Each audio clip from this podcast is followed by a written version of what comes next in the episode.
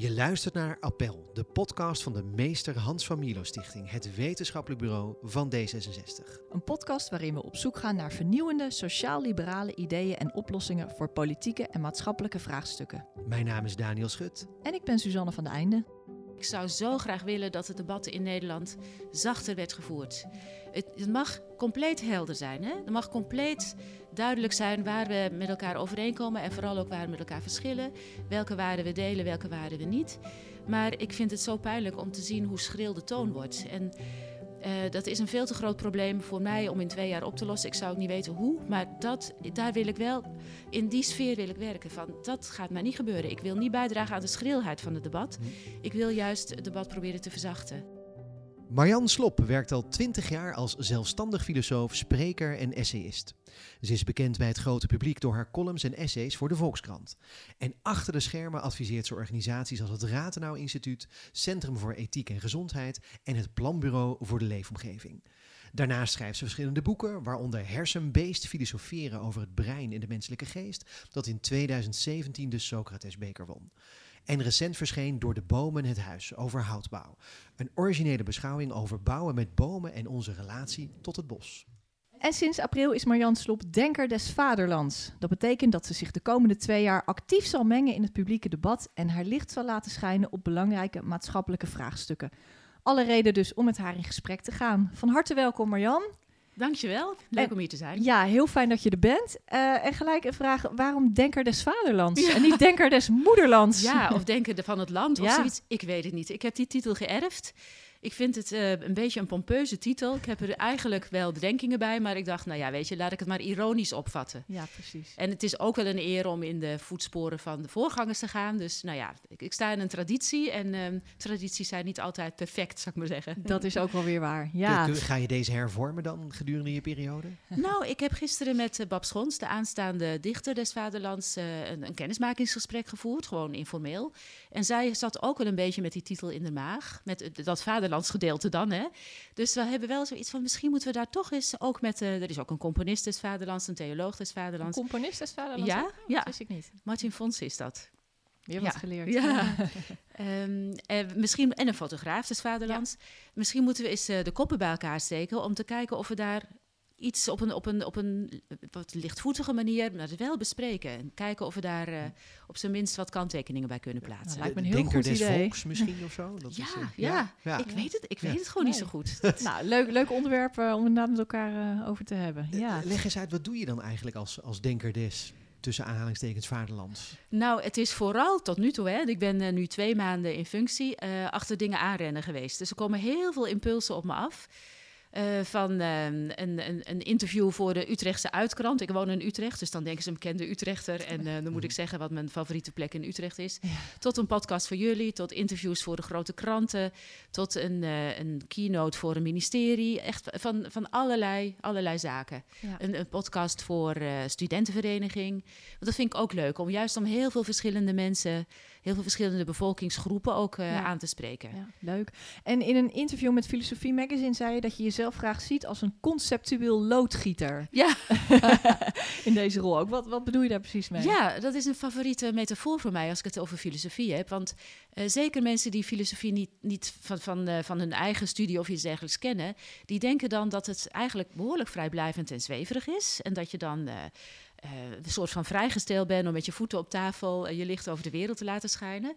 Nou, ik kan me voorstellen dat het zo overkomt, maar zo zie ik het zelf helemaal niet. Voor mij is het um, een soort conceptueel loodgieten, inderdaad. En dat wil zeggen dat um, het gaat over concepten, dus over begrippen. En hoe werken die begrippen in, begrippen in gesprekken?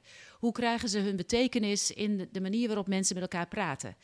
En soms gaat het, meestal gaat het eigenlijk behoorlijk goed, maar soms juist niet. En dat kan je bijvoorbeeld, uh, laat ik het voorbeeld solidariteit nemen.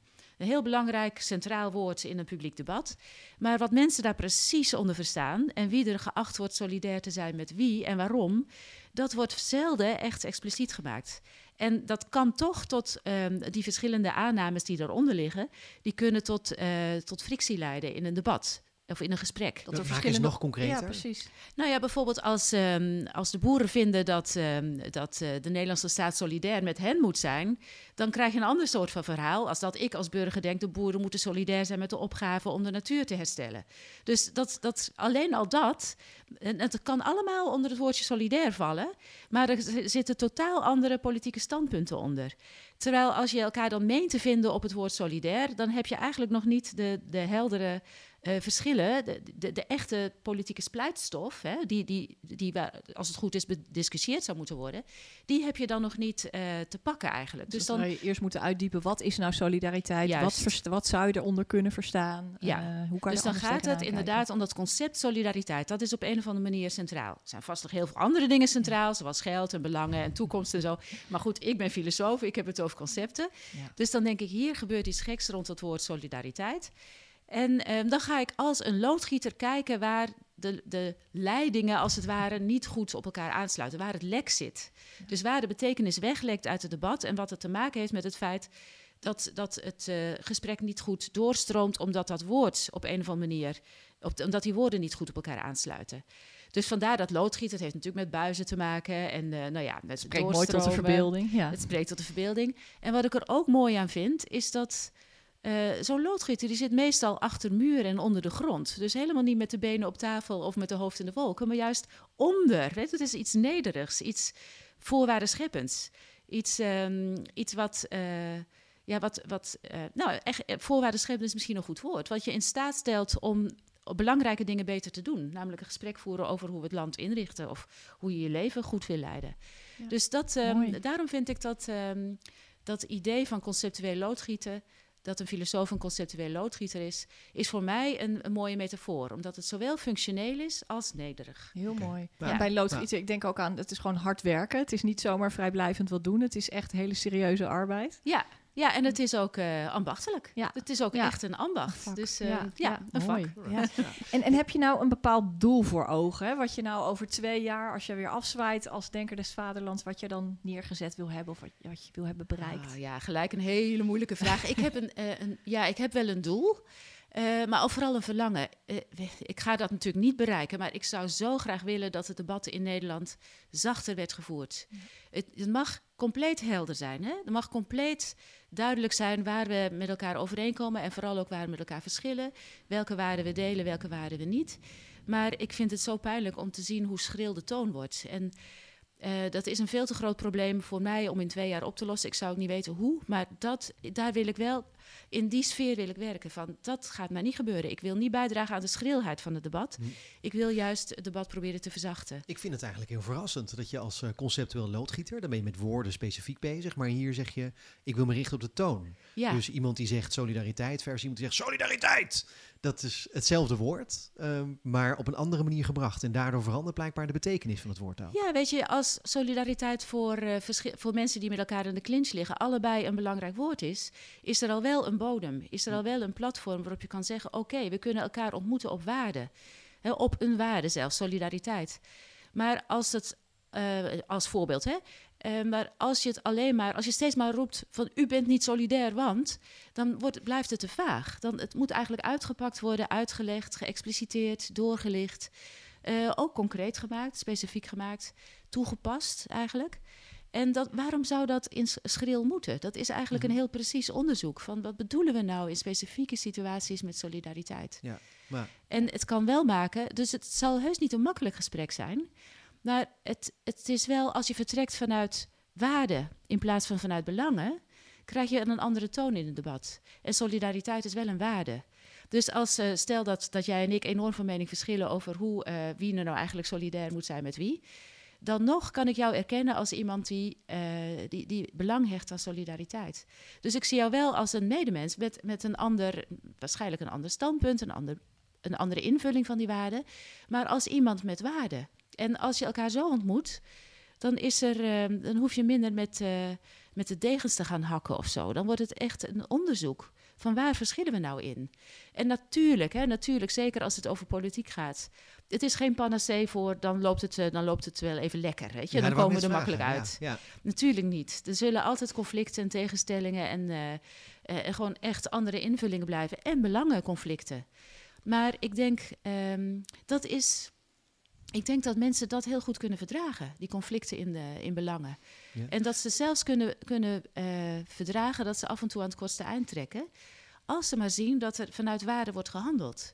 En dat niet een groep die toevallig sterker is ehm, en eh, zijn belang beter neer kan zetten, dat die wint. Ik denk dat het in de politiek, dat mensen daar juist naar snakken, van dat duidelijker wordt vanuit welke eh, gedachten, vanuit welke begrippen, vanuit welke invulling van een concept politici eh, eh, argumenteren, inderdaad. Ja, ik ben het helemaal Dat- met je eens. En ik zou, het zou mij ook een lief ding waard zijn als politici meer vanuit die sfeer spraken en konden spreken hoor. Het wordt ze ook daar niet makkelijk in gemaakt. Vanuit wordt- hun waarde ook, be- bedoel ja, vanuit hun waarde, Ja. vanuit hun visie. Ik sta Kijk, hiervoor. Ik, Ja, Dit is mijn visie op een goed, op goed leven, op, op een goede samenleving. ja.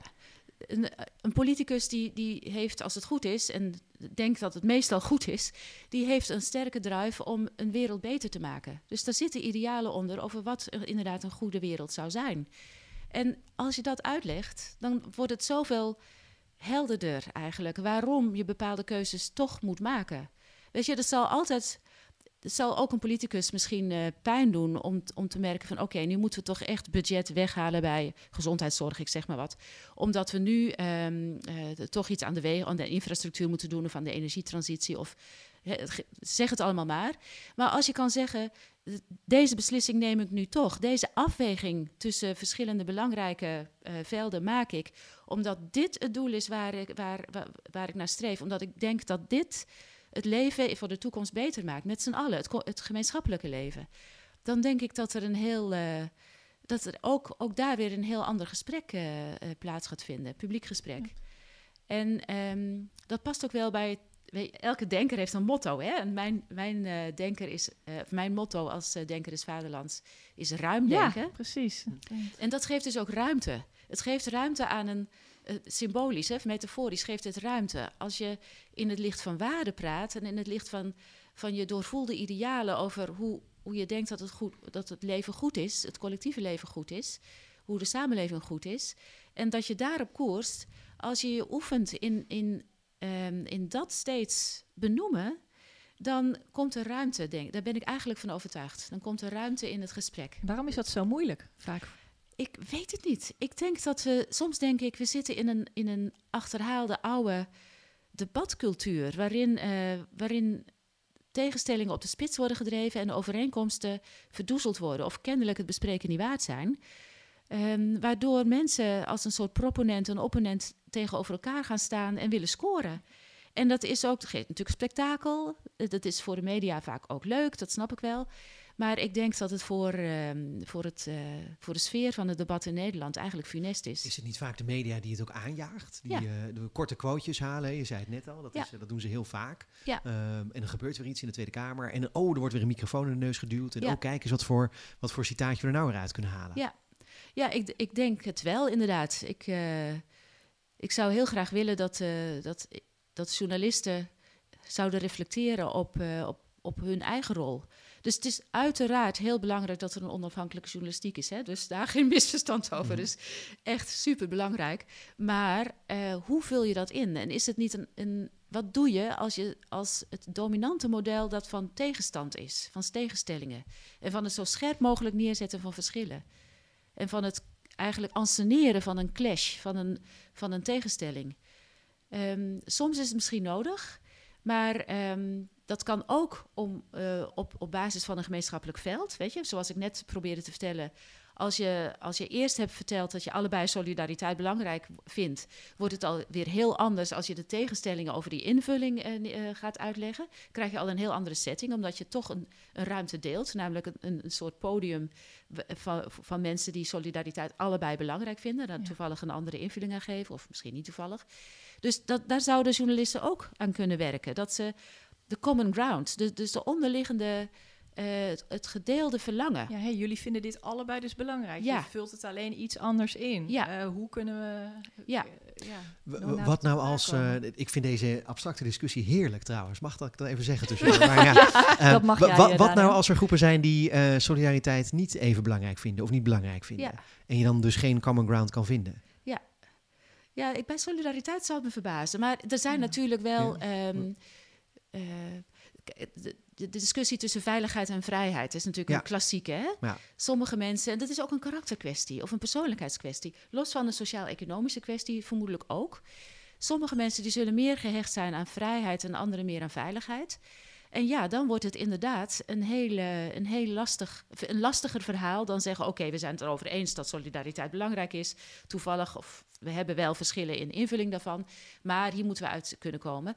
Bij zo'n oppositie tussen vrijheid en veiligheid ligt dat inderdaad moeilijker.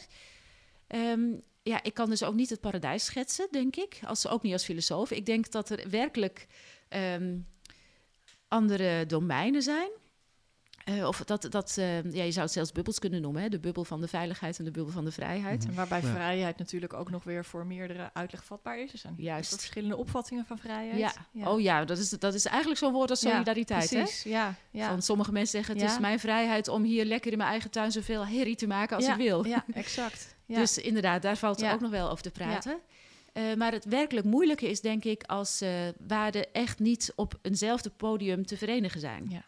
Als er werkelijk een inherente clash is tussen, tussen verschillende waarden, zoals misschien tussen veiligheid en vrijheid. Ik denk dat, dat wat, ja, wat de truc is, wat onderhandelaars zullen doen en diplomaten zullen zeggen, is dan het veld verbreden, nog ruimer maken. En zeggen: Oké, ik kan je erkennen als mens die bepaalde waarden belangrijk vindt in het leiden van een goed leven. Dus we, hebben dan, we delen misschien niet onzezelfde waarden.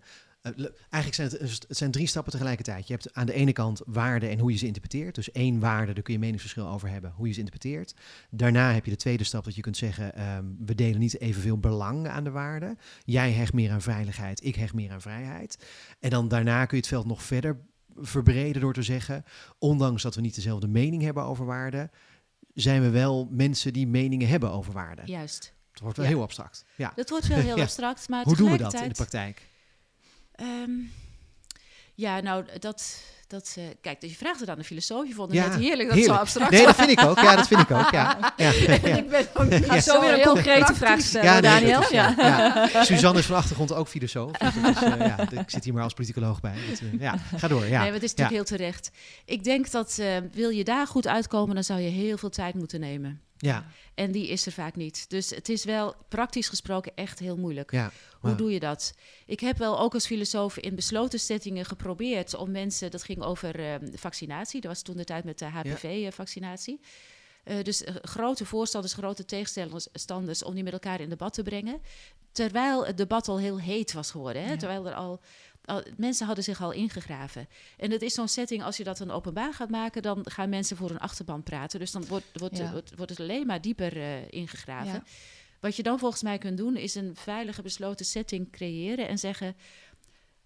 Ik erken dat u iets belangrijk vindt. Dat u, dat u, dat u uh, een drijfveer voelt en dat het te maken heeft met dat u iets wilt voor de samenleving. En som, sommige anti-vaccinatiemensen, dat ben ik zelf niet, dus daar heb ik dan, kan ik het moeilijkste in inleven. Maar ik zag wel dat ze, dat ze, dat, dat ze een zorg toonden die hun eigen belang oversteeg. Ja. En dat is iets wat ik kan herkennen als iets waardevols, als een poging om iets bij te dragen aan een publieke zaak. Hebben ze je al gebeld vanuit de onderhandelingen over het landbouwakkoord? Uh, nou, nee, nee, nog niet. Nee, hè? Nou, inderdaad. eens moeten doen. Ja. Maar ik zat ook te denken, ook naar aanleiding van jouw vraag, van um, misschien is er zo'n common ground. En misschien word ik zelf nu te politiek hoor. Maar ik denk dat klimaatverandering echt iets is wat, uh, wat zo groot is dat het eigenlijk alle discussies nu overstijgt. En dus een common ground is voor alle mensen nu. Ja. We zullen allemaal op onze manier uh, ons rekenschap moeten geven wat klimaatverandering betekent. En, en hoe we een goed leven kunnen leiden, kunnen blijven leiden. Of um, ja, weet je, het, voelt eerder als verlies dan als verbetering. Maar hoe, hoe, hoe kunnen we het zo goed mogelijk met elkaar blijven doen uh, in het licht van klimaatverandering? Want ja, ja daar maak ik me gewoon ernstig zorgen over. Ja. Ja. Even nog terug naar jouw motto hè, voor de komende twee jaar: ruim denken. Uh, en jij deelt dat op in politieke, fysieke en spirituele ruimte. Kan je dat toelichten? Ja, uh, ja, dat is een beetje om, uh, om mezelf te focussen, om een soort thematische velden te organiseren voor mezelf. Uh, bij dat politieke, dan denk ik aan een soort pleidooi voor meer stemmigheid, voor het erkennen van elkaars waarden, eigenlijk wat we net besproken hebben. Ja. Dus een, een, een wat zachtere, maar wel heel heldere toon in de publieke ruimte. Dat is wat ik hoop. En dat ik denk dat het debat daar lucht van krijgt, er ruimer van wordt. En dat er een soort ontspanning kan optreden, hoop ik, zonder verlies aan helderheid te hoeven vrezen. dus dat is dat politieke deel. Het fysieke deel, ja, dat gaat puur over de ruimtelijke krapte. Dus er is natuurlijk een stapeling van problemen in Nederland. De energietransitie, uh, het wonen dossier. dossier is eigenlijk een vreselijk woord. Nou ja, goed. Ja. Je klinkt dus als een minister. Ja, Een maatschappelijke opgave. Ja, ja. ja. precies. Je moet daarmee uitkijken. Maar uh, nou ja, rond wonen zijn er problemen, rond voedsel zijn er problemen, rond uh, energie zijn er problemen, mobiliteit. er is natuurlijk vermogensverschillen, die zijn heel groot. Dus allemaal, en dat slaat voor een heel groot deel neer op de ruimte. Dus er zijn, uh, als je iets aan de energietransitie wil doen, dan vraagt dat ruimte. Als je iets wil doen aan, uh, aan natuurherstel, vraagt dat ruimte. Maar er is maar, dus er zijn eigenlijk te veel uh, opgaven voor, voor dezelfde ruimte. En, je kunt, en dat wordt echt een strijd. Dus als je woningen gaat bouwen ergens, dan is dat. Um, uh, dat is dat een oplossing voor, uh, voor, voor, jongeren die, die maar niet uh, een eigen woning kunnen vinden, bijvoorbeeld. Hè? Of, dat, dat is heel veel voor te zeggen. Dat is denk ik echt een grote nood. Maar ja, waar woningen staan, kan geen natuur zijn. Ja. Waar woningen staan, daar, daar moet je iets aan het grondwaterpeil gaan doen. Waar, waar woningen zijn, daar, daar kun je ook um, geen zonnepanelen leggen, of misschien op de daken, et cetera. Dus die ruimtelijke krapte, ik denk, soms krijg ik echt een gevoel van, bijna fysiek gevoel van benauwenis. Van het wordt gewoon te krap. En um, weet je, als er dan ook nog, uh, als, als de bevolking dan ook nog groeit, dan, dan, weet, dan, dan krijgen we echt een strijd om de ruimte. En dat, uh, ik, ik, ja, ik voorspel, en dat is helemaal niet geniaal, maar ik voorspel dat een heleboel politieke strijd, dat daar die strijd om de ruimte onder gaat liggen. Om, omdat ja, het stukje grond kan nu eenmaal maar één keer bestemd worden. En er zijn eigenlijk als we heel veel grond meer zouden hebben, dan zouden een heleboel problemen veel makkelijker opgelost kunnen worden. En hoe verhoud jij je als filosoof dan tot, dat, tot die ruimtevraagstukken? Um, nou ja, misschien, uh, dat, weet ik, dat, dat weet ik nog niet zo heel goed. Nee. Ik, ik denk eigenlijk, ik ben daarin vooral geïnteresseerd, dus ik zoek toenadering. Ik heb ook, uh, er zijn nu net nieuwe ruimtelijke verkenningen uh, ja, uitgebracht. Vind ik ook prachtig. Hè? Ik hou ook van dat soort ontwerpen mensen, die ontwerpmentaliteit. Dus ik heb contact gezocht met de mensen daar, die dat hebben gedaan. En dan ga ik mee in gesprek en die, die gaan ook door het land. En ik denk dan altijd, oké, als filosoof kan ik daarbij zijn om, uh, om te letten op, op die concepten, uh, hoe die gebruikt worden, hoe die in stelling worden gebracht, de waarden die daarmee samenhangen en of daar misschien ruis ontstaat. Daar zou ik iets over kunnen zeggen. Maar daarin ben ik wel uh, vooral een bewonderaar van de mensen die, die, die, ja. die, zo technisch en zo ontwerpend en eigenlijk ook heel creatief die ruimte verkennen en de toekomst daarmee verkennen. Ja, ja. ja. En dan was er nog de spirituele ruimte. Ja, ja die gaat voor mij over ook de, de binnenruimte. Um, die verzachting in het debat, dat zou mijzelf ook een enorme opluchting geven. Omdat, omdat ik dan het idee zou hebben dat, uh, dat, ja, hoe moet je dat zeggen, spiritueel. Het is belangrijk voor me, maar tegelijkertijd wordt het snel zweverig. En um, het is moeilijk om daar een goede specifieke taal voor te vinden het gaat mij er eigenlijk om dat je de plek lief hebt waar je woont, waar je bent. Ik denk dat als je werkelijk connectie kan maken met de plek waar je bestaat, dat, um, dat van daaruit een soort ontspanning kan ontstaan.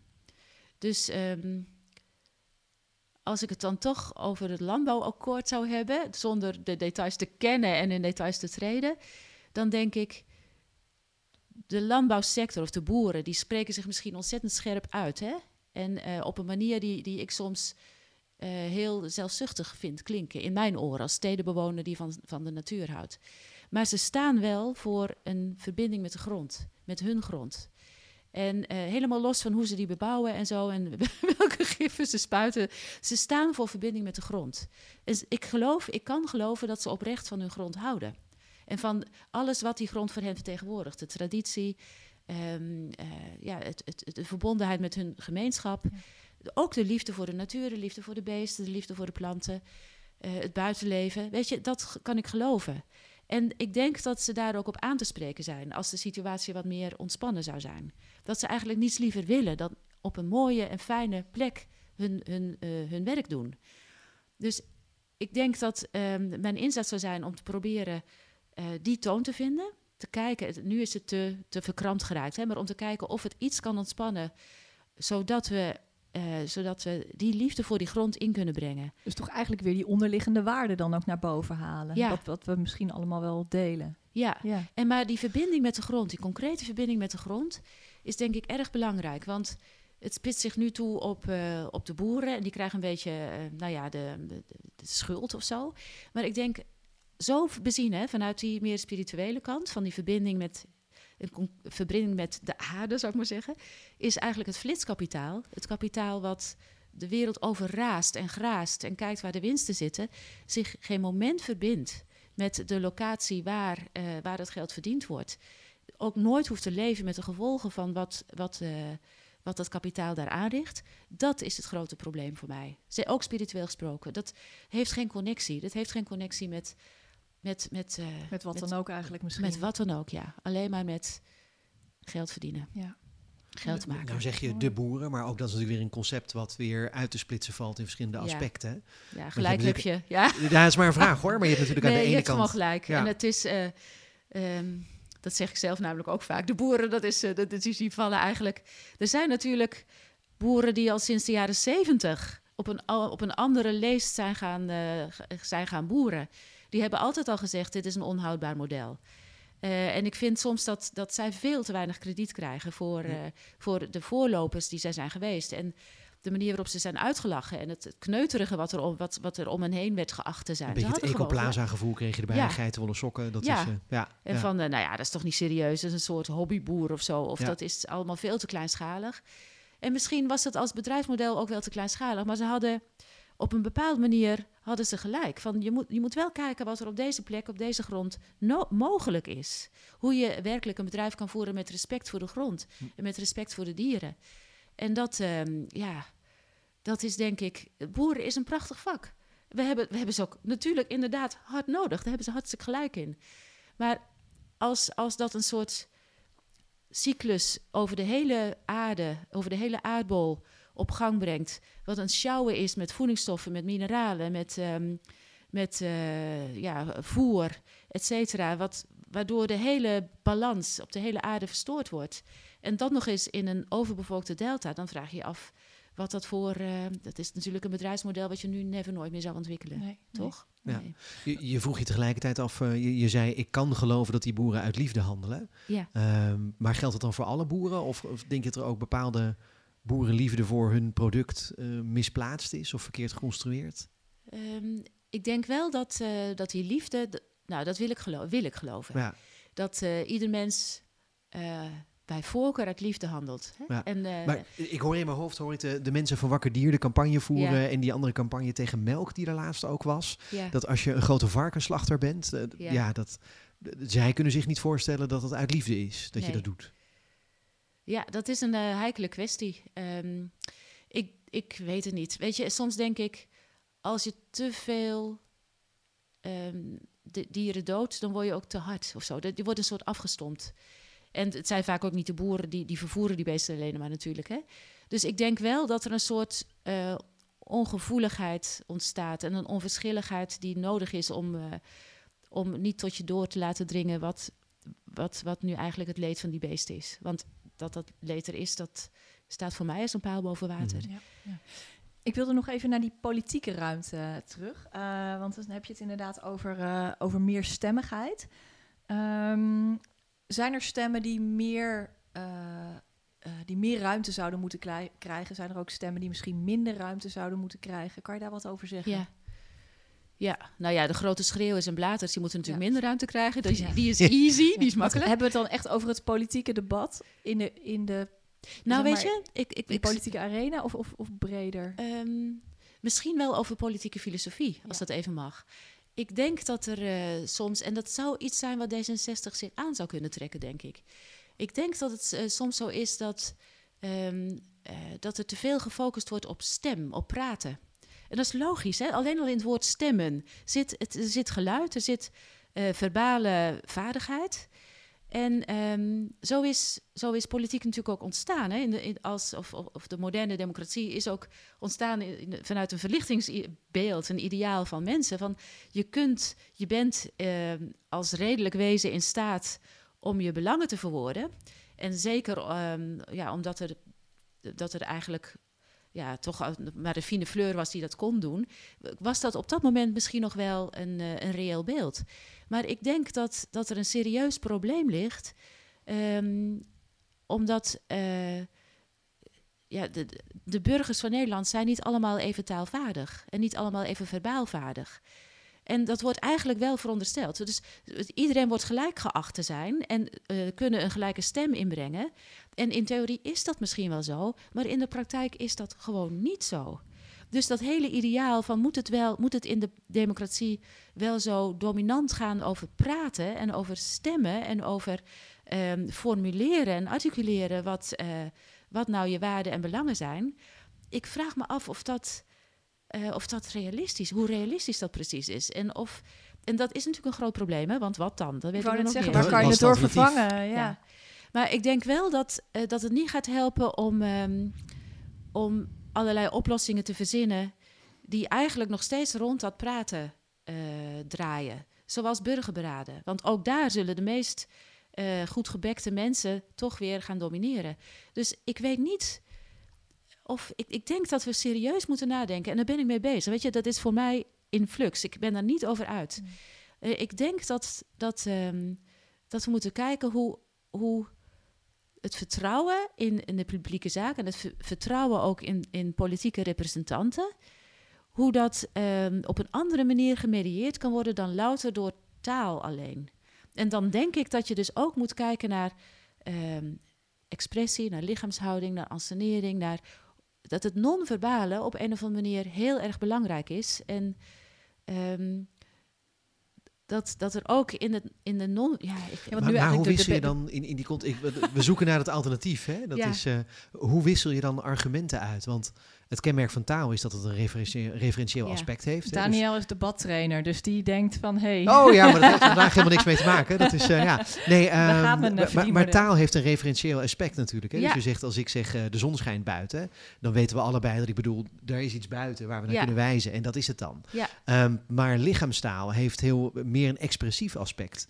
Dus dan kan ik alleen maar zeggen... ik ben heel blij dat de zon buiten schijnt. Of ik vind het heel jammer dat de zon buiten schijnt. Weet je, ik denk, Daniel, dat we het niet zonder taal zullen kunnen stellen, ook niet in de politiek. Ja, en ja. dat uh, het feit dat we met taal abstracties kunnen uitwisselen, dat dat cruciaal is. Zeker als je het hebt over toekomsten die er nog niet zijn, hè, waar je naar streeft. Dus ja. het staat voor mij, het is volkomen, staat buiten kijf dat we taal nodig zullen uh, moeten hebben, zullen blijven hebben. En ik hou ook van taal. Als filosoof hou ik van taal, als schrijver hou ik van taal. Het is net als voor jou, is het ook mijn uh, forte, zou ik maar zeggen. En ook, ook een genot. Ik, ik beleef zelfs een een, een bijna uh, tactiel genot aan, uh, aan taal, zou ik maar zeggen.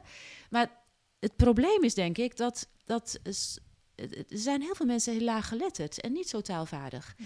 En die moeten we niet verliezen. En als dat 20% van de mensen zijn, die, die, zo, ik denk dat er een grote overlap is tussen de afgehaakte van Nederland en de niet zo taalvaardige van Nederland.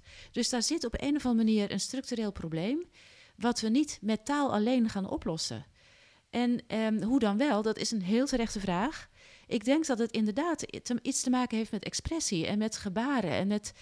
Ik vind het wel een hele mooie analyse. En ik denk überhaupt uh, het bewust worden daarvan. Van dat het inderdaad, hè, nu vaak de, de beste debater die, uh, die, die, die wint het in het debat.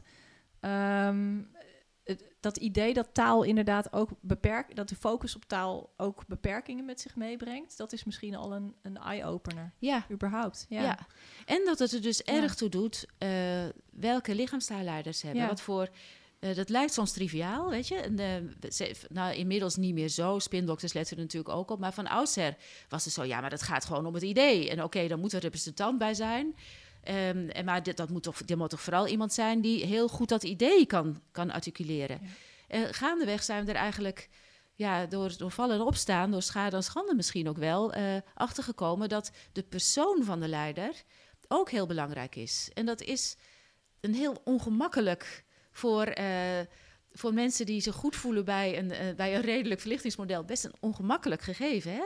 Dat de persoon van de leider zo cruciaal is voor het, het, het, kunnen stromen van vertrouwen en het hebben van vertrouwen in een. Waarom is dat voor verlichtingsidealisten zo ongemakkelijk? Uh, nou, omdat het eigenlijk zou moeten gaan over waarden en idealen, juist om abstracties.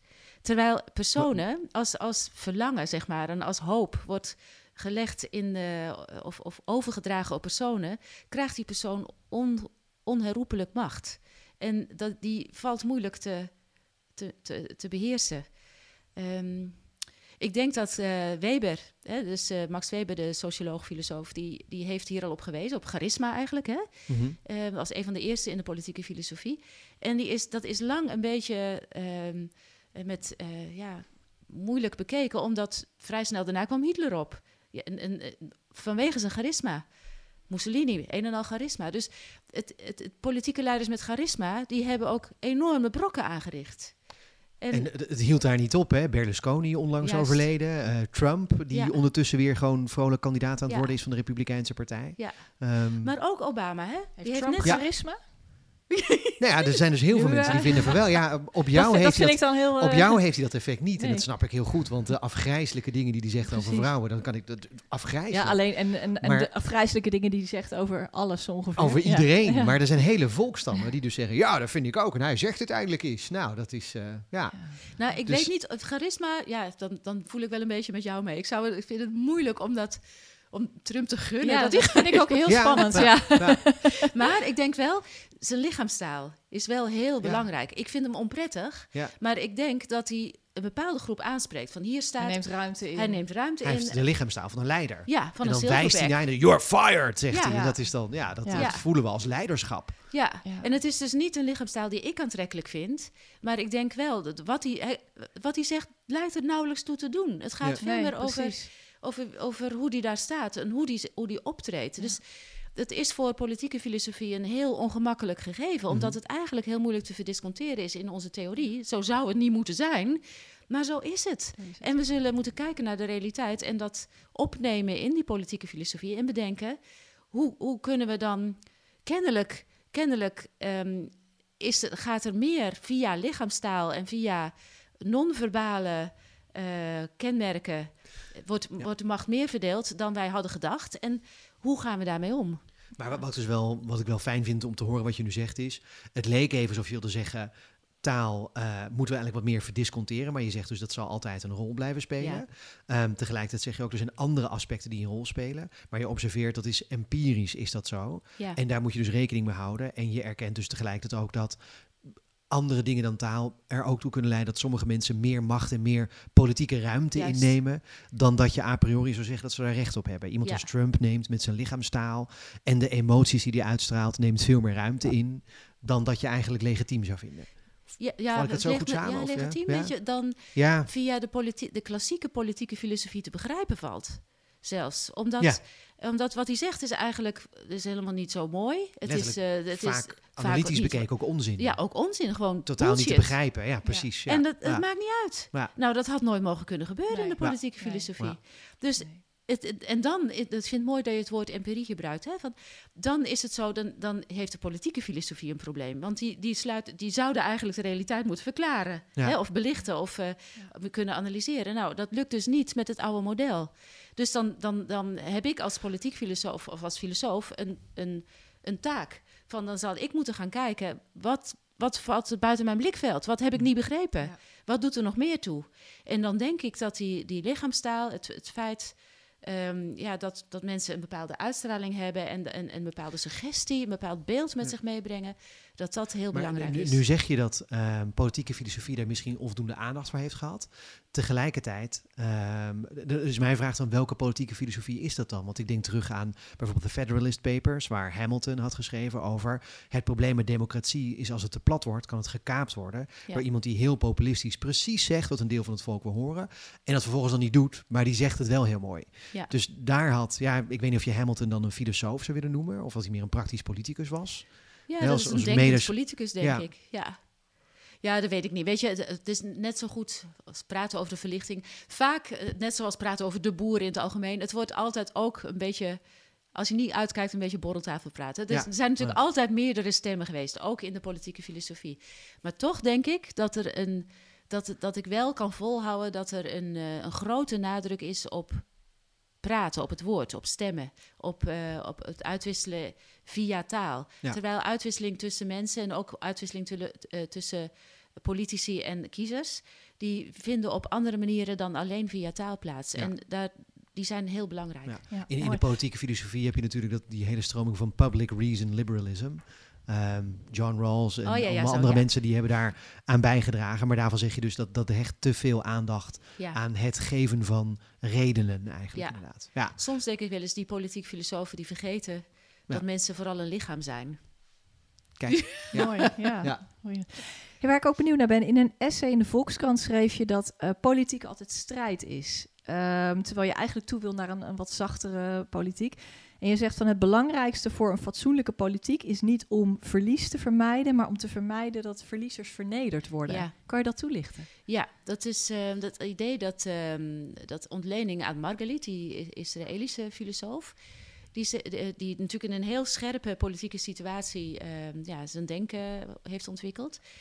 En die zegt, eh, politiek is, ehm, is niets anders dan, of ja, het is misschien wel nog meer, maar het is in ieder geval altijd ook een belangenstrijd. Ja. En waarom een strijd, een ja. ideeënstrijd en een, een strijd om de macht om, om, om een mandaat te krijgen om jouw ideeën uit te voeren. En dat betekent dat eh, sommige mensen zullen dat mandaat krijgen, of sommige partijen zullen dat mandaat krijgen en andere niet. In die zijn zullen er altijd verliezers zijn. En dat is niet zo erg. Dat, is, ehm, dat kan een democratie verdragen. Mits, ehm, mits er fatsoenlijk wordt omgegaan met de verliezers. Mits die erkend worden als medemensen, als mensen die ook voor waarde staan eigenlijk. Hè? Die ook voor relevante belangen staan, die alleen nu niet kun, de kans krijgen om te domineren. Eigenlijk is dat het. Als, als, ehm, eigenlijk gaat het simpelweg om gezien worden, om erkend en gezien worden. En ik denk werkelijk dat. ehm, dat is meer een overtuiging dan dat ik het empirisch kan bewijzen hoor. Maar ik denk dat als mensen zich erkend weten, werkelijk gehoord weten en werkelijk gezien zijn in, in wat voor hen belangrijk is, dat, ze, dat heel veel mensen echt wel kunnen verdragen dat ze hun zin niet krijgen. Want dan heb je het niet zozeer over politici, maar meer over de kiezers Ja, tegen wiens belangen in misschien bepaalde beslissingen Ja. worden genomen. Ja. Ja, ja, misschien ook wel politici, maar die zullen, Ja. ja. Ja, die zullen dat zeker kunnen, denk ja ik. precies. Ja. Maar het gaat me eigenlijk nu meer inderdaad over burgers of Ja. volk, of hoe je het wil noemen. Ja. Ehm, met wel één belangrijke aantekening: van als je steeds maar in de hoek zit, die moet ver- ver- verdragen dat jouw waarden ehm, het weer eens niet winnen, dan wordt het een beetje een moeilijk verhaal. Ik denk wel dat, ehm, dat het ook goed is als er, eh, ja, als er een afwisseling van, van dominante groepen komen. En wat dat betreft is het feit dat Rutte zo lang eh, de kabinetten voert, denk ik echt een serieus probleem. Niet Ja. alleen om de, om de man Rutte, maar ook omdat eh, bepaalde waarden te lang domineren. En dat, dat een substantieel, misschien niet de meerderheid, maar wel een substantieel deel, deel van de mensen gewoon te lang niet gelaafd wordt, zou ik maar zeggen. Dat hun waarden eh, te lang in de kou staan. En welke waarden domineren dan volgens jou en welke waarden staan te lang in de kou? Ehm, nou, de waarden van de ondernemingszin eh, die, eh, die floreren natuurlijk. En Ja. van, het, van het, het belang van het individualisme ook wel. Van aan jezelf kunnen werken. Wat ik zelf ook heel belangrijk vind. Hè? Van, en ehm, mooi aan, aan, het, aan het liberalisme ook. Gewoon de vrijheid van expressie en daar echt voor staan. Ik vind dat Rutte dat, dat eigenlijk best goed doet. Maar de waarde van... ehm, eh, ja, voor mij dan toch de natuur, de ecologie. Dat is voor mij een heel belangrijk punt. Ja, ik, ik, eh, ik voel me wat dat betreft bijna verweest. Van, ziet nou niemand hoe serieus het probleem is? En waarom, waarom gebeurt er zo weinig? Waarom zitten we in de marge wat te friemelen? Terwijl, terwijl we echt, echt een echte serieuze systeemomslag eh, zullen, zouden moeten bewerkstelligen. Om, om andere waarden, de waarde van, ehm, van de schoonheid van de natuur, van de, de vreugde van de vogels in de lente, van eh, weet je, dat soort dingen. Om die in eh, de waarde van stilte, van, eh, van een plek waar, waar waar niet de reclame steeds maar om me heen suist. De, de plek voor reflectie, weet je, dat, dat, dat die ook gekoesterd wordt en erkend wordt als een belangrijk onderdeel van sommige goede levens. Hopelijk van mijn goede leven namelijk. Ja. Mooi, ik word helemaal blij van de vogels. Ja, ik zat ook even ja, te even weg ja, te dromen. ja. Ja. Ja. Stilte is een voorwaarde voor een goed gesprek Ja, misschien. Ja, dat Ja, is, eh, ja, ja, ja. ja. En ehm, eh, die, die, die, die, ver- die vernedering eigenlijk, hè, van, van neemt dat, wordt het erger? Dus, eh, zie je, het- Ja, ik, ja het- waar ik me werkelijk zorgen over maak, en dat is een soort onderstroom, denk ik, in, eh, in de politiek. Er zijn van die boeken die, altijd, die veel indruk op, op je maken hè, als, uh, als lezend mens. En voor mij is een van die boeken Bas van Bavels De Onzichtbare Hand. En Bas van Babel is een, uh, is een, uh, ja, een theoretisch econoom, of, of een historisch Economisch econoom. historicus is het dan, geloof ik. Hè? Ja. Dat is een Ja. nieuwe... ja, ja, Ja. ja. En eh, een hele, eh, eigenlijk een heel, eh, helemaal geen schreeuwerige man, maar heel, hij heeft heel minutieus via eh, allerlei, eh, allerlei bestanden uitgeplozen. En oude economieën, eh, sinds de Babylonische tijd, en bijvoorbeeld ook de, de Nederlanden in de Gouden Eeuw, Renaissance Italië, ehm, de, de industrialiserende Verenigd Koninkrijk, et cetera. Die heeft hij bestudeerd. Van wat gebeurt er nou als je door je oogharen kijkt en een lange tijdlijn neemt, van zeg anderhalve eeuw of zo, of twee eeuwen. Wat gebeurt er dan op factormarkten, zoals hij dat noemt? Dus dat zijn Wat markten waar, als ik het goed weet, heb ik niet helemaal voorbereid, maar volgens mij waar eh, goederen verhan- verhandeld worden, maar ook grond en, ehm, Arbeid Arbeid? Ja. ja. en vooral ook die grondverhandeling. Als dat gebeurt, eh, in die factormarkten bloeien in het begin. Dat geeft heel veel energie en economische vi- vitaliteit, zeg maar. En die samenlevingen worden snel rijker. En dan op dat moment is er werkelijk sprake van een trickle-down effect. Dan gaat, iedereen profiteert daarvan, ook arme mensen. Maar er is een moment waarop eh, de mensen die extra profiteren, die, die, die, die, die gewoon rijk worden, hun bezit gaan beschermen. En eh, dat ook, eh, dat is misschien een vrij logische impuls. Ze willen gewoon voor een soort zoogdierenwens. Hè, van je wil je, je, je, je groepje gewoon koesteren. En dat doe je dan ook door, door kapitaal te, te reserveren voor hen, zodat zij een goed leven kunnen leiden. Maar er komen dus mechanismes en verlangens om, om het eh, geaccumuleerde kapitaal bij een bepaalde groep, om dat steeds beter te gaan beschermen. En omdat die mensen machtig worden, omdat, financieel machtig worden, gaan ze ook ehm, eh, lobbyen, zaken opkopen, media opkopen. Berlusconi is wat dat betreft een heel goed voorbeeld. En dat zet een trend in, in, in, in werking die uiteindelijk voor iedereen weer nadelig gaat zijn. Voor iedereen. Dus ook voor die, Ook voor die bovenlaag. ook voor die bovenlaag.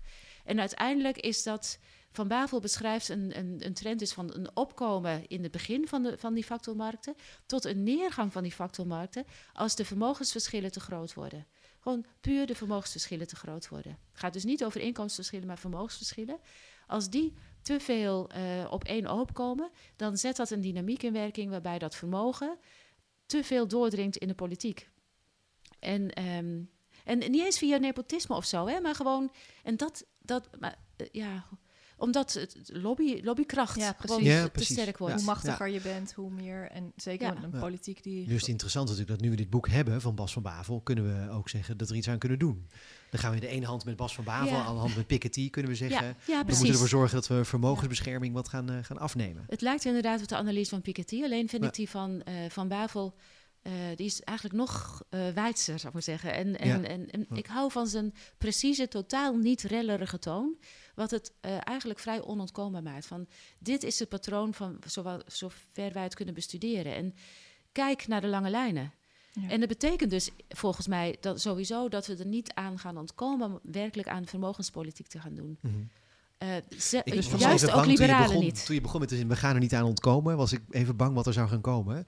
Eh, we, we gaan er niet aan ontkomen om economische neergang, maar gelukkig zei je aan vermogenspolitiek te Ja. doen. Dat is, ja, ja. Ja. ja. En dat, ehm, dat is voor eh, zeker de meer rechtse liberalen vaak een taboe, omdat het toch mijn vermogen is, zou ik maar zeggen. Hè? Dus, waar eh, ik hard voor gewerkt ik Ik heb er al belasting over Ja. betaald. Ja, en dat is ja. ook Ja. zo. Ja. Ja. Maar ehm, juist als je een liberale democratie in stand wil houden, dan zou je. Dan mag je best wel wat inkomens- of vermogensverschillen toestaan, maar niet deze, deze enorm. eh, je, je ziet gewoon die vermogensverschillen groeien in de westerse democratieën. En dat is een heel omineus teken. Ja. Dat, daar zouden we echt een stop op moeten eh, zetten. En, dat, en dus niet door te zorgen dat er een bestaansminimum is, wat, wa- waardoor je net eh, je broek op kan houden of zo, of net voldoende te eten hebt en een dak boven je hoofd en de warm hebt. Maar ook door te zorgen, door beleid te maken, waardoor de vermogens niet eindeloos kunnen groeien. En, ehm, en misschien ook... Zou er een stop op moeten zitten? Een, een ja, wat grens? mij betreft wel. In, in, Ja. in de lijn met Ingrid Robijns. Ja, en, eh, precies. ja. Wat Ingrid ja. Robijn zegt, voor degenen die het niet weten. Die zegt eh, dat we niet alleen dat, we, dat vermogenspolitiek ook betekent dat er een, een plafond moet zitten aan het vermogen dat je kunt eh, vergaren. Net Ja. zoals een armoedegrens zou er ook een rijkdomsgrens Juist. moeten komen. Ja. Ja. Ja. Ja. Ja. Ja. In een ehm, interview met NRC antwoordde je op de vraag wat het leven de moeite waard maakt, eh, dat dit aandacht is. Ja, Ja, heel mooi. Dat, je noemde net al stilte. Ik zie aandacht al een Ja. beetje in het verlengde daarvan. Eh, en dat het een voorwaarde ook is om echt vrij te kunnen zijn. Nou, Ja. Weinig mensen denken bij vrijheid misschien direct aan aandacht. Kan je dat eens uitleggen? ja. Dus uitleggen. Ja, leg het eens even, uit. Ja, we hebben nog is een wel- minuutje. het is wel een het belangrijk- uit. uitleggen. het is wel een belangrijk thema voor me, inderdaad. En misschien kan ik. ehm daar valt ontzettend veel over te zeggen. Nou, wil het is ook een thema waar ik in de twee jaar dat ik, eh, dat ik denken ben heel graag eh, aan werk. Ehm, laat ik beginnen met een verschil te maken tussen focus en aandacht. Dus focus heb je nodig, maar dat is als een soort laserstraal. Hè? Dat is dat je heel eh, ja, gespitst en gericht bent op een taak of een doel wat je richt. En dat is belangrijk. Hè? Dat, dat is niks mis met focus. Dat heb je nodig om, om effectief te kunnen zijn en om je doel te kunnen bereiken. Eh, aandacht daarentegen, dat geeft ruimte. Dat is een soort je armen uitspreiden, je wereld groter maken. Dus in plaats van een laserstraal is dat meer een, een, een zacht eh, sfeerlicht, zou ik bijna zeggen. Waarin, ehm, waarin er dus meer dingen eh, naar boven te zien zijn, om in de, in de visuele metafoor te blijven. Je kunt, je kunt dan meer dingen in ogenschouw nemen. Dus ehm, in plaats van dat je al meent te weten wat je doel, wat voor jou belangrijk is en je daarop te richten, kun je de wereld even toelaten als een soort inademen en eh, denken: hoe voelt hij nu voor mij? En wat, wat, wat merk ik nu? Waarbij je dus dan eigenlijk juist even niet de focus op één Ja. ding, een boek of een telefoon of Ja, een ja. taak moet hebben. ja. Ja, de- of, of op je, je to-do-lijstje, ja. weet je wel. Ja. Ehm, en dat is hartstikke moeilijk en dus ook nodig om, om dat wel te doen af en toe. Maar het is denk ik ook heel belangrijk om de tijd te hebben voor aandacht. Van wat, wat ehm, neem ik nou waar in mijn omgeving? Dus eigenlijk reflectieruimte, maar dan wel verbonden aan, eh, aan, aan die plek, aan de- dat, dat spirituele. Van eh, wees op de plek waar je bent. Wees er, wees werkelijk aanwezig. En hoe maakt dat vrij? Ja, dat maakt vrij doordat je dan. ehm, even denken, hoe leg ik dat uit? In de filosofie is het een, is het, eh, een heel moeilijk eh, vraagstuk hoe je nou eigenlijk je vrije wil kan uitoefenen. Wat je nou eigenlijk kan verstaan onder je vrije wil. Zeker als je, zoals ik, denkt van ja, maar we zijn gewoon een lichaam. We zijn eigenlijk materie, weet je? Dus eh, we zijn cellen, een, een biologisch plasma, weet ik veel hoe je het moet zeggen.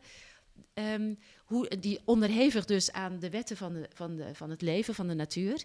Hoe zou je dan, hoe zou je dan jezelf aan kunnen sturen? Het is, er razen gewoon natuurwetten door je heen. Hè? Dat, is, dat is een soort klassiek filosofisch probleem. En ehm, eh, ik denk dat er in aandacht een sleutel zit om te denken dat er een soort van zelfmanagement nodig- mogelijk is. Het, het zelfmanagement van het stukje materie, het stukje plasma dat ik zelf ben, dat is mogelijk door aandacht te hebben voor de processen die zich in ehm, door, te, door ja, aandacht te hebben voor de processen die zich in dit lichaam afspelen. En te bedenken aan welke ik wil bekrachtigen en welke niet. Dus dat, dat is een. ehm, dat is gek genoeg wat anders dan kiezen. Dat wordt heel technisch. Dat leg ik in, eh, in mijn boek Hersenbeest, denk Graag. ik, eh, beter uit. Ja. Dat, want dat is. Dat is eh, ehm, het, het heeft te maken met hoe lang iets in je hersenen aanwezig is als, als ehm, gedachte. Dus dat is een kwantitatief eh, gegeven. Hoe lang het aanwezig is, maakt dat, dat, het, eh, ehm, dat het de doorslag geeft in je handelen. Ehm, dus het mooie daarvan is dat het dus niet gaat over een beslissing, maar om, om puur het effect van de tijd die een bepaald hersenproces in beslag neemt. En je kunt je wel eh, ehm, je belangen, dat wat voor jou belangrijk is, dat neemt niet toevallig eh, tijd in beslag, extra veel hersen, eh, hersenprocestijd in beslag. Dus op een bepaalde manier is ehm, eh, de, belang en eh, iets doen is hetzelfde. Kan je je voorstellen? Ja, Dat, dat, eh, het is een beetje ingewikkeld hoor. Nee, en ik weet ook niet of ik het nu helemaal, of ik het nu helemaal goed precies vertel. Maar er is dus een kwantitatief, eh, eh, kwantitatieve maat, namelijk de tijd die een hersenproces in beslag neemt. Die, eh, en die, maakt dat, dat jouw lichaam in beweging komt of iets gaat doen of juist iets, iets laat, nou in ieder geval handelt. Ehm, wat eh, te maken heeft met wat jou motiveert, wat voor jou van belang is. En wat je motiveert, dat kun je, daar kun je jezelf in oefenen. Je kunt jezelf inslijpen dat, eh, dat je je gaat gedragen naar wat je motiveert. En ehm, nou, dit is een best wel eh, filosofisch ingewikkeld verhaal, wat je misschien ook heel simpel kan vergelijken met een muzikant die een goede cello-speler wil worden, die zal heel veel oefenuren moeten maken. Dus er zit een waarde in, er zit een belang in. Namelijk, ik, ik wil graag die cello goed. Ik wil mooie muziek maken met mijn cello. Dat wil ik zelf kunnen. En er zit een inzicht in, van om dat te kunnen bereiken, heb ik naast enig talent, heb ik vooral ook heel veel uh, uh, oefenuren nodig. Er zit een toewijding in. En als je dat doet, als je die, die tijd eraan besteedt, dan word je ook, dan ben je na een aantal jaren ook een betere cello-speler. Dus dan door aandacht te geven aan wat je belangrijk vindt, word je meer het mens uh, zoals je zou willen zijn. Dus dat is een Mooi. uitoefening van de vrije wil die niet zo dramatisch is van ik kies, ja. maar die meer een toewijding mm. is en een insluipen en een oefenen en een wijden aan idealen, die langzamerhand gaan doorcijpelen in het lichaam dat je bent. Zouden politici ook meer aandacht moeten hebben? Zou dat tot een betere politiek leiden? Uh, Beter politiek debat? Ja, ik denk het wel. Ik denk dat ze vaak heel veel focus hebben. Soms een beetje overdreven focus. Hè? De, dus uh, drie punten steeds maar erin rammen of zo. En, soundbites. Ja. Soundbites, ja. En um, ik denk dat aanvullend daarop, hè, dus niet als vervanging, maar aanvullend daarop, dat het heel belangrijk is om aandacht te hebben voor de omgeving. Dus ook als politici het land ingaan, dat doen ze natuurlijk voor een deel al wel, dat, dat linkt dan weer aan die lichaamstaal. Hoe sta ik hier? Hoe verhoud ik me tot, hoe verbind ik me met de omgeving, met de mensen in deze omgeving? Hoe, hoe toont zich dat in mijn lichaam? Het is wat dat betreft vooral show, don't tell, denk ik. Ja. Laat dat het maar zien. interessant. Ja. Ik moest denken aan een uh, artikel in de Volkskrant over waar gekeken werd. Was het de Volkskrant? Ik kan me niet precies herinneren. Maar uh, het hele verhaal rondom Groningen. Dat er goed gekeken werd naar um, de, verschil, de verschillen in fysieke houding tussen hoe Mark Rutte erbij zat aan de ene kant en hoe, uh, hoe Velbrief erbij zat. Um, dat Mark Rutte toch al vaak bij de voren op zijn telefoon aan het kijken ja. was en eigenlijk niet aanwezig was. En daarna ja. wel zei dat hij het heel erg vond en dat hij het zich aantrok. En excuses aanbood, maar dan wel weer op zijn telefoon ging ja. kijken. En dat Velbrief dus echt zijn telefoon weglegde en echt betrokkenheid toonde. Fysiek eigenlijk echt inderdaad. Ja. Dat is, uh, Gewoon nou, contact maken. Er zijn. Er zijn, contact maken. Luisteren tot je laten doordringen wat dit voor mensen heeft betekend. Ja. En dat, dat, dat, dat op een of andere manier in je lichaam blijkt. Ja. Ja. ja. Mooi brengt ons tot uh, de slotvraag uh, helaas alweer. Uh, ja, we hangen aan je lippen ja, we vinden nou, het fantastisch. Dus, ja, ja. ja. ja. maar goed, de, de, aandacht van podcastluisteraars is op een gegeven moment ook op. ja, op. dat kan me heel goed voorstellen. Ja. Die focussen op iets anders. Ja, precies. Stel, je was, je was zelf minister. wat zou jij nou doen om fatsoenlijke politiek terug te brengen? Of die politiek fatsoenlijker, beter te maken, zachter misschien? In ieder geval, wat zou je doen? Ik zou ja, luisteren, zo, sowieso hè. Dus dat, uh, die aandacht zou ik proberen te tonen. Dus ik, ik, ik zou inderdaad proberen te praktiseren wat ik hier, uh, wat ik hier preek. Ja. Um, ik zou misschien... Ik, ik, ik, zou hopen dat ik wat minder op scoren gericht zou zijn... en wat meer op, uh, op een, een helder verhaal over een goede samenleving. Wat dat voor mij is. Dat, dat, dat zou ik proberen naar voren te brengen. En, en ik weet dat het je vraag niet is, maar ik wil het toch lekker even zeggen. Dat mag. Doe. Ik zou uh, achter de schermen in, uh, in uh, het kabinetsoverleg, zou ik erg ijveren voor het ministerie van Voedsel. In plaats van van, van Landbouw of van Economische Zaken. Laten we het eens hebben over voedsel, over het ministerie van Voedsel. Dan krijgen we denk ik een heel ander soort politiek. Ja. Mooi. Wauw. Ja. Nou, ja. laten we het hopen. Heel hartelijk dank Marjan Slop voor dit gesprek. En jij luisteraar, bedankt voor het luisteren naar Appel.